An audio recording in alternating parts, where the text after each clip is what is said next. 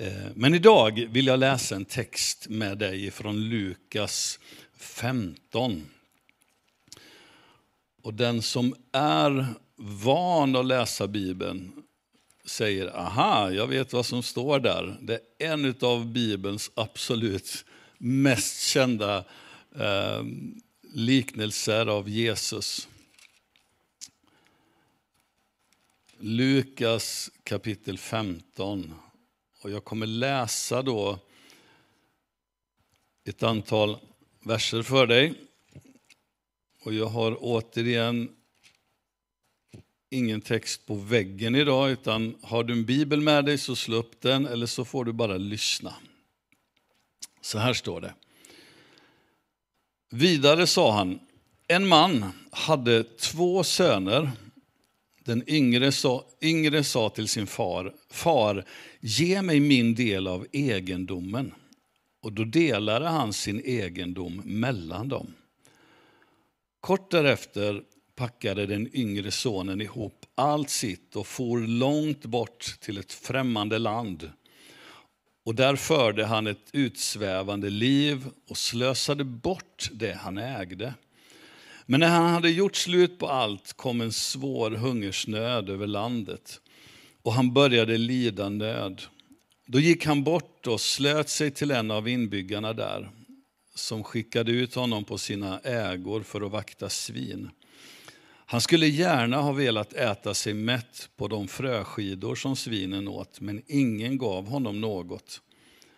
Då kom han till besinning och sa, hur många daglönare hos min far har inte mat i överflöd och här håller jag på att dö av svält.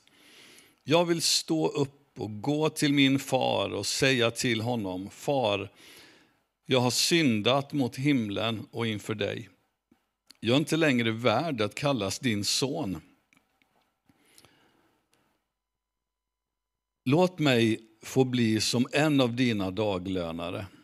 Och han stod upp och gick till sin far. Och medan han ännu var långt borta fick hans far se honom och förbarmade sig över honom. Och fadern skyndade emot honom, föll honom om halsen och kysste honom.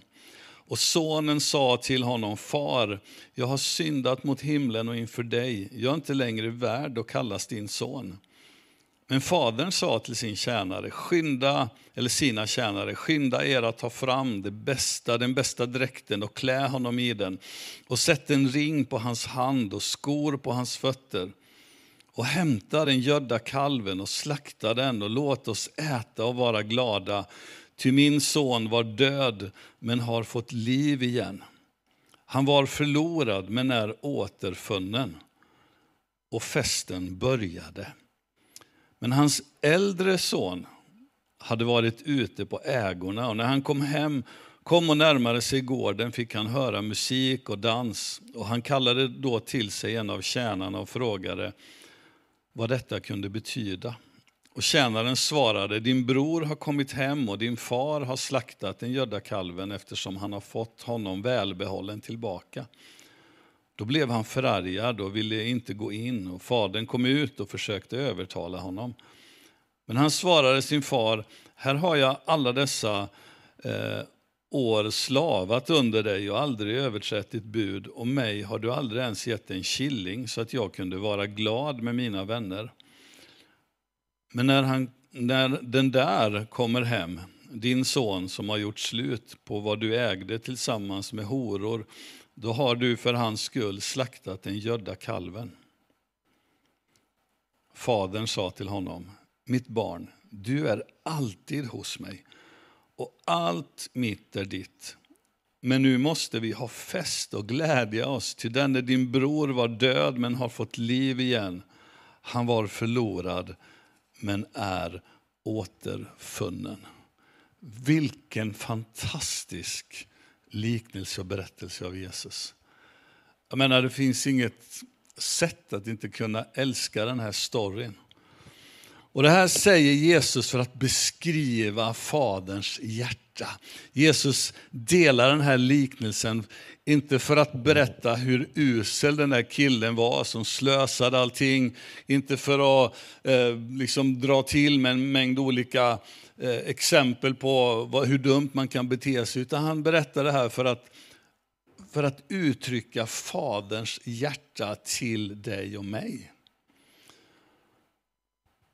Tidigare i bibelöversättningar så har den här liknelsen handlat, eller hetat, man skriver så här i indelningarna i Bibeln, det är ju inte en text som finns i Bibeln egentligen när man skriver en överskrift, men då har det stått den förlorade sonen, den är känd som det.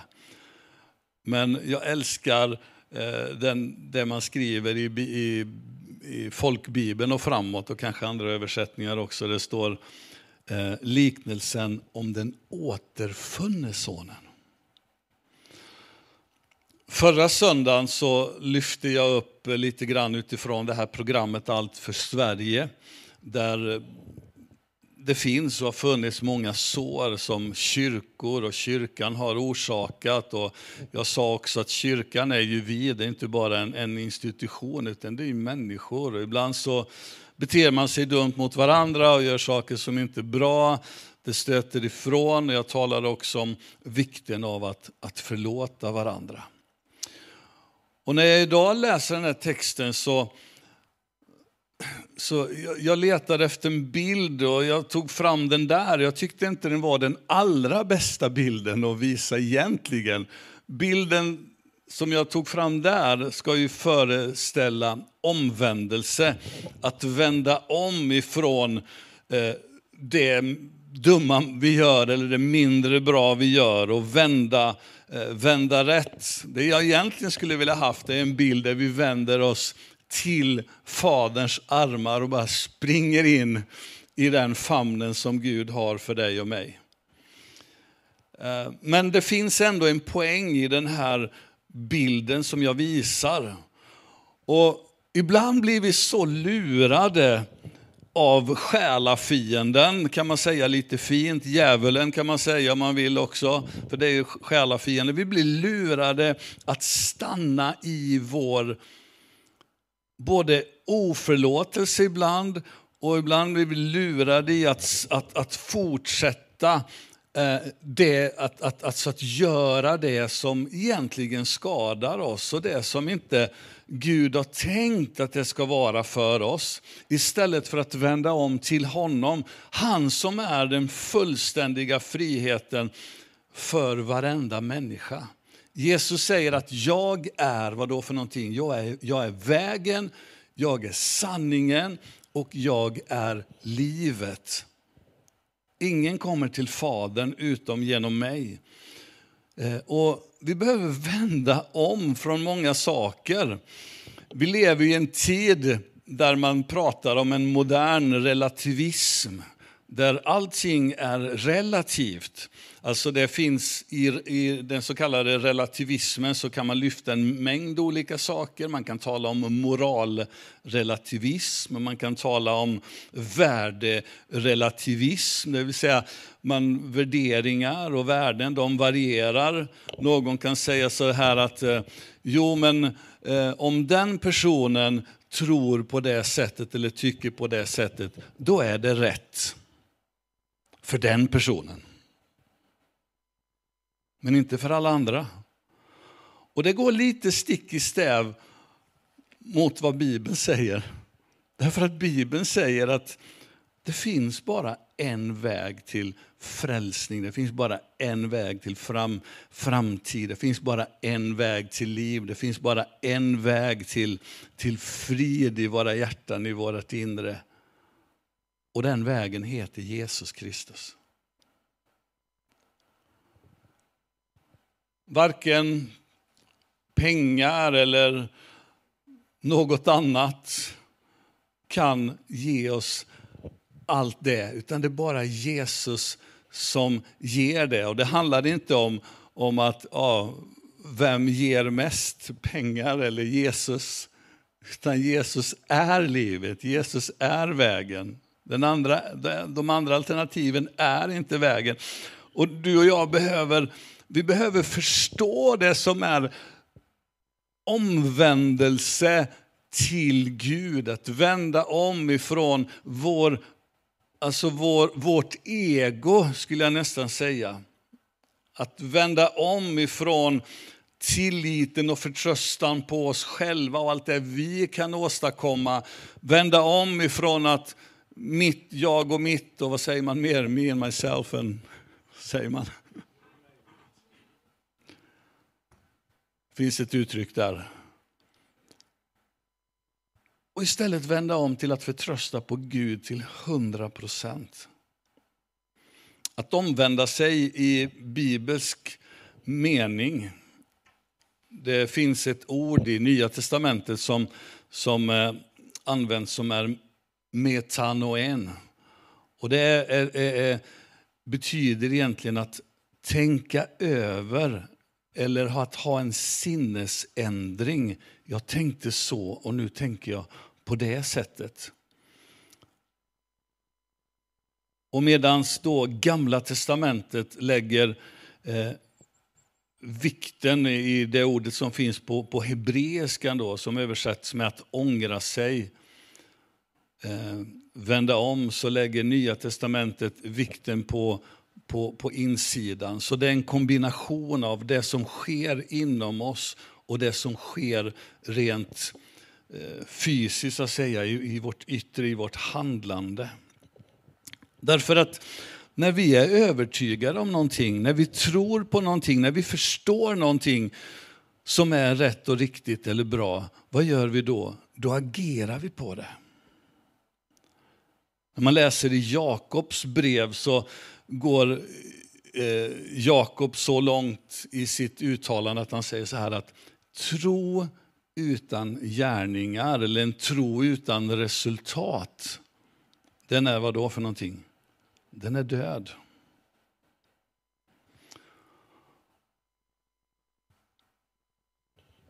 Och den här sången som, eh, som eh, Elin och David ledde oss i innan och vi sjöng om och om den här refrängen, Herre till vem skulle vi gå?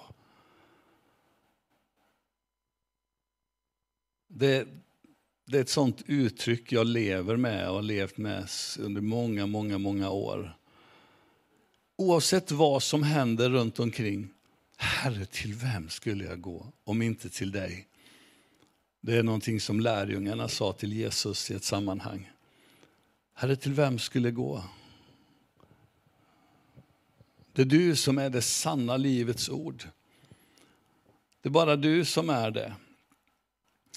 Och i den här berättelsen om den förlorade eller den återfunne sonen, så vi läser att han fick arvet av sin far, han går iväg, han slösar på allt.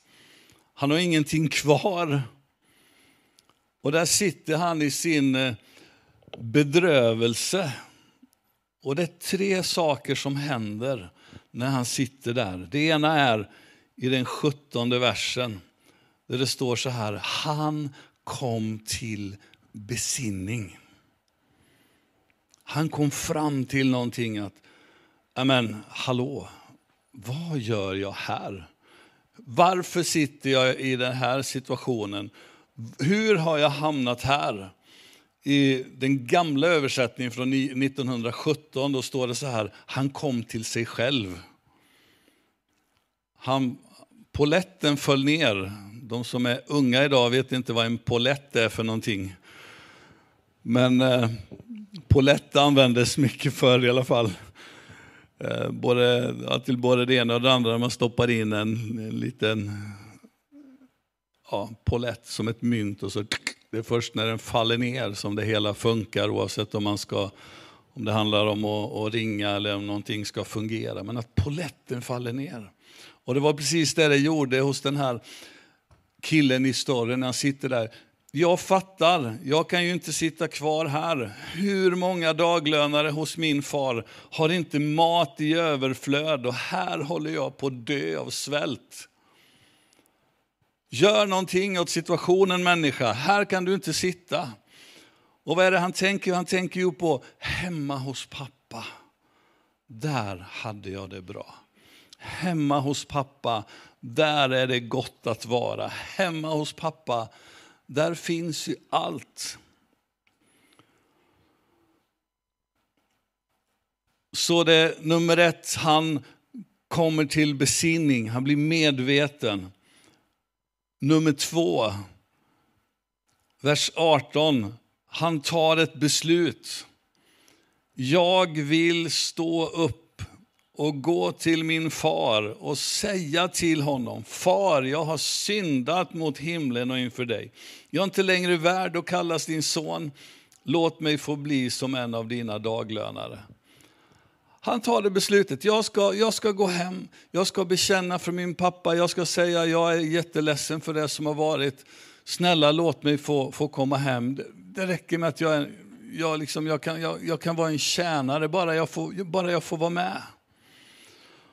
Och han visar ju här sin, sin ånger, sin längtan, sin förtvivlan. Och han inser, här kan inte jag sitta, jag ska gå hem till pappa. Och jag älskar det tredje som händer i den här berättelsen. Och det är att han sitter inte kvar. Han stannar inte kvar, vare sig i den här besinningen eller tanken, beslutet på att göra en sak. Utan det står följande. Och han stod upp och gick till sin far. Och fantastiskt är när man liksom verkligen djupdyker i det grekiska språket. Vet ni vad det betyder att han gjorde? Exakt, han stod upp och han gick. Han handlade på det som han hade förstått. Och så kommer han, är på väg hem och så händer någonting som är liksom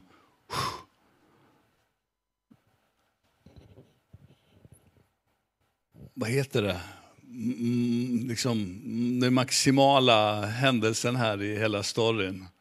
Höjdpunkten i alltihop. Det pappan har stått och väntat på honom. Och det är det som Jesus beskriver. Pappan har väntat på honom. På avstånd så ser han sonen komma hem.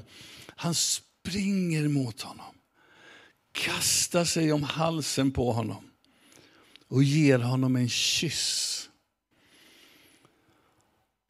Och jag vet inte vad, vad du tänker på när du hör den här berättelsen, när du läser det här. Men jag ser bara Guds kärlek, Guds nåd, för han känner ju dig och mig innan och utan. Det finns inte en enda liten skrymsla, heter det kanske, i våra liv som Gud inte ser in i, för han känner allt.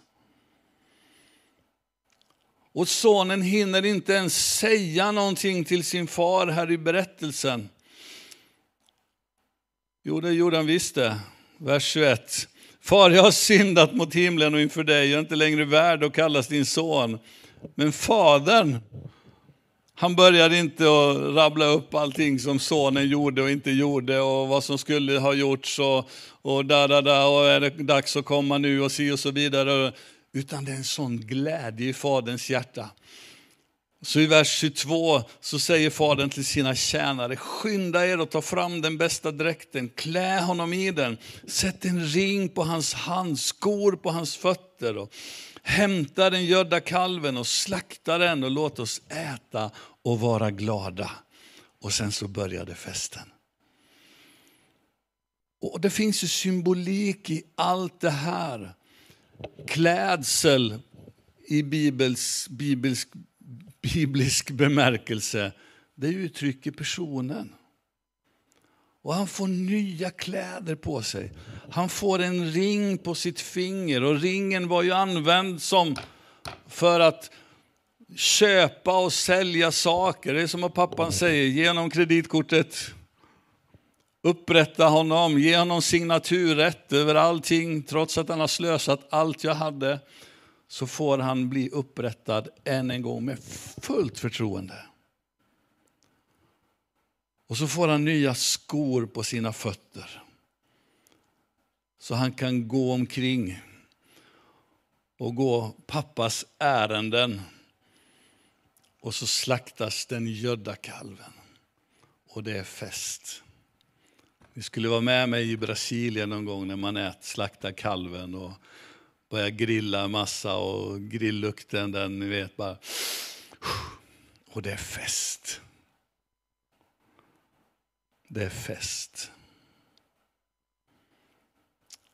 Och jag kommer tillbaka till den där refrängen i sången. Herre, till vem skulle vi gå?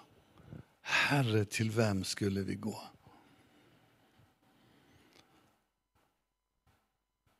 Och det bästa som du och jag kan göra, det är att egentligen dagligen bara besluta oss för att kasta oss i Faderns armar. Varje dag. Varje dag. Det handlar inte om att Åh, jag är en sån förskräcklig syndare, eller jag har gjort så här mycket, eller jag har gjort så här lite. Jag... Men vad Jesus säger, det spelar ingen roll hur snett du och jag har gått. Så finns det förlåtelse, det finns upprättelse. Och Gud vill att du och jag ska vara tillsammans med honom varje dag. I hans närhet, vid hans hjärta. Det finns en tragisk del i den här berättelsen som jag inte vill uppehålla mig kring, men det är ju sonen som var hemma. Hur han blev sur på den andra och man kan säga mycket om den, den biten där. Och på ett sätt så fick han faktiskt bekosta sonen, eller brorsans fest. För det var ju hans arv som var kvar.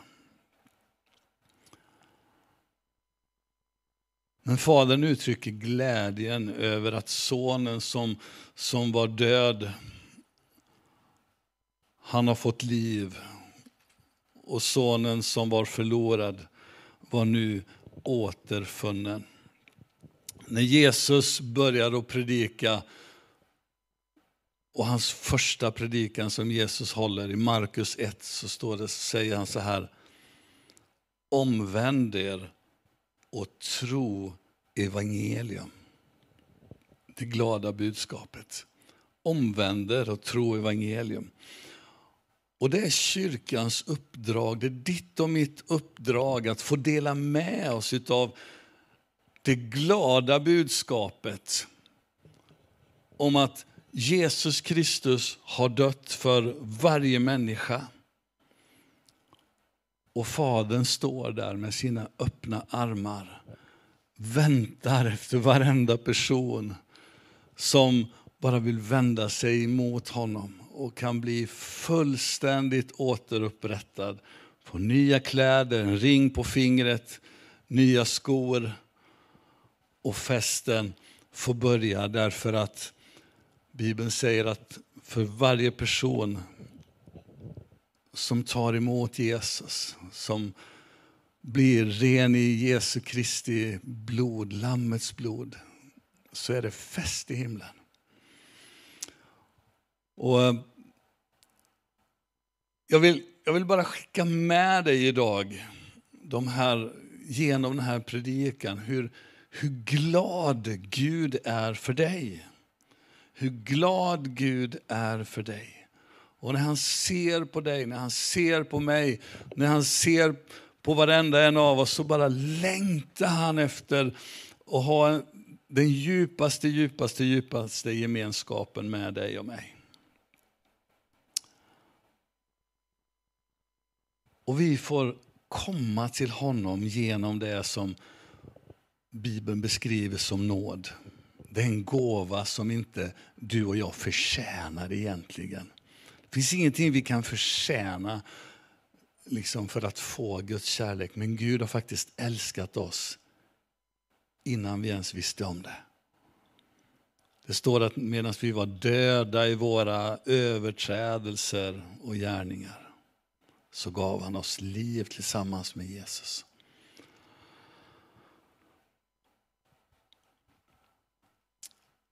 Så omvändelse, sammanfattningsvis, det är att omfamna nåden som Jesus erbjuder oss genom sin död på korset. Och säga Jesus, jag, jag vill vandra med dig, jag vill vara i din famn. Tack Jesus, ska vi be tillsammans.